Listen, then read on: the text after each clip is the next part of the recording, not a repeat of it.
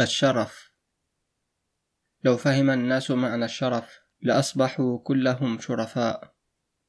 ما من عامل يعمل في هذه الحياة إلا وهو يطلب في عمله الشرف الذي يتصوره أو يصوره له الناس إلا أنه تارة يخطئ مكانه وتارة يصيبه. يقتل القاتل وفي اعتقاده أن الشرف في أن ينتقم لنفسه أو عرضه بإراقة هذه الكمية من الدم. ولا يبالي أن يسميه القانون بعد ذلك مجرما لأن البيئة التي يعيش فيها لا توافق على هذه التسمية وهي في نظره أعدل من القانون حكما وأصدق قولا. يفسق الفاسق وفي اعتقاده أنه قد نفض عن نفسه بعمله هذا غبار الخمول والبله الذي يضلل الأعفاء والمستقيمين وأنه استطاع أن يعمل عملا لا يقدم عليه إلا كل ذي حذق وبراعة وشجاعة وإقدام.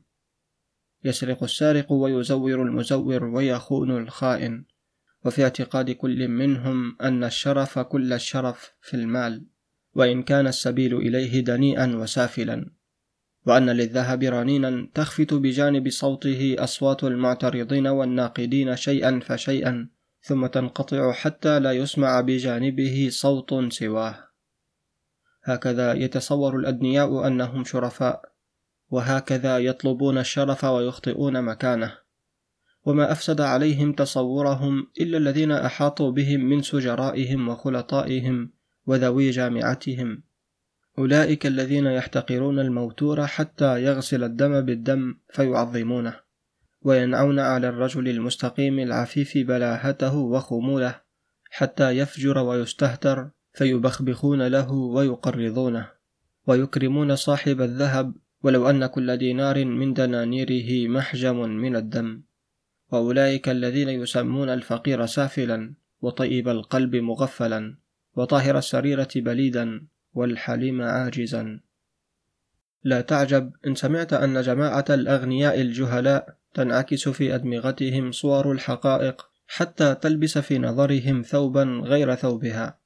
وتتراءى في لون غير لونها. فإن بين الخاصة الذين نعتد بعقولهم ونمتدح أفهامهم ومداركهم من لا يفرق بين الرذيلة والفضيلة حتى إنه لا يكاد يفخر بالأولى ويستحيي من الأخرى. لولا فساد التصور ما افتخر قائد الجيش بأنه قتل مائة ألف من النفوس البشرية في حرب لا يدافع فيها عن فضيلة ولا يؤيد بها حقا من الحقوق الشرعية. ولولا فساد التصور ما وضع المؤرخون اسم ذلك السفاح بجانب أسماء العلماء والحكماء والأطباء. خدمة الإنسانية وحملة عرشها وأصحاب الأيادي البيضاء عليها في سطر واحد من صحيفة واحدة. ولولا فساد التصور ما جلس القاضي المرتشي فوق كرسي القضاء يفتل شاربيه ويصعر خديه وينظر نظرات الاحتقار والازدراء إلى المتهم الواقف بين يديه موقف الضراعة والذل. ولا ذنب له إلا أنه جاع وضاقت به مذاهب العيش فسرق درهما. ولا توهم وهو اللص الكبير أنه أشرف من هذا اللص الصغير. ولو باتا عند قدريهما لوقفا معا في موقف واحد أمام قاض عادل يحكم بإدانة الأول لأنه سرق مختارا ليرفه عيشه. وبراءة الثاني لأنه سرق مضطرا لينقذ حياته من براثن الموت. فمن شاء أن يهذب أخلاق الناس ويقوم اعوجاجها فليهذب تصوراتهم وليقوم أفهامهم. يوافه ما يريد من التهذيب والتقويم. ليس من الرأي أن يشير المعلم على المتعلم أن يجعل هذا المجتمع الإنساني ميزانا يزن به أعماله أو مرآة يرى فيها حسناته وسيئاته. فالمجتمع الإنساني مصاب بالسقم في فهمه والإضطراب في تصوره فلا عبرة بحكمه ولا ثقة بوزنه وتقديره. ليس من الرأي أن يرشد المعلم المتعلم إلى أن يطلب في حياته الشرف الاعتباري فليس كل ما يعتبره الناس شرفا هو في الحقيقة كذلك. ألا تراهم يعدون أشرف الشرف أن يتناول الرجل من الملك قطعة من الفضة أو الذهب يحل بها صدره؟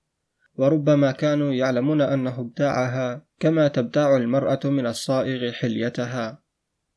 لا شرف إلا الشرف الحقيقي وهو الذي يناله الإنسان ببذل حياته أو ماله أو راحته في خدمة المجتمع البشري جميعه أو خدمة نوع من أنواعه.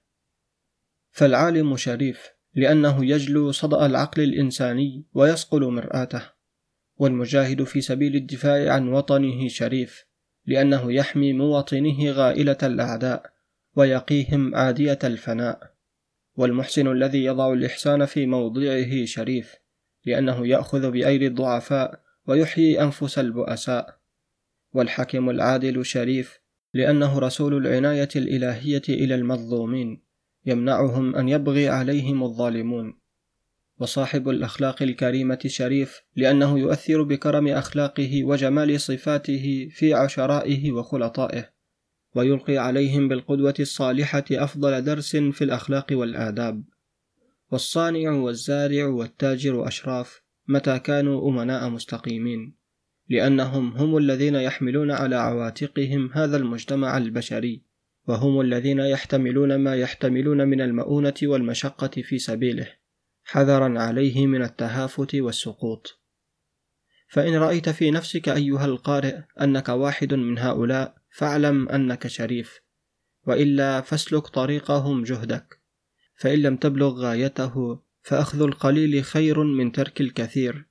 فإن لم يكن هذا ولا ذاك فلتبكي على عقلك البواكي. من كتاب النظرات لمصطفى لطفي المنفلوطي. بصوت عبد الباري الطشاني. شاهد أيضا أحد هذه الفيديوهات الظاهرة أمامك على الشاشة.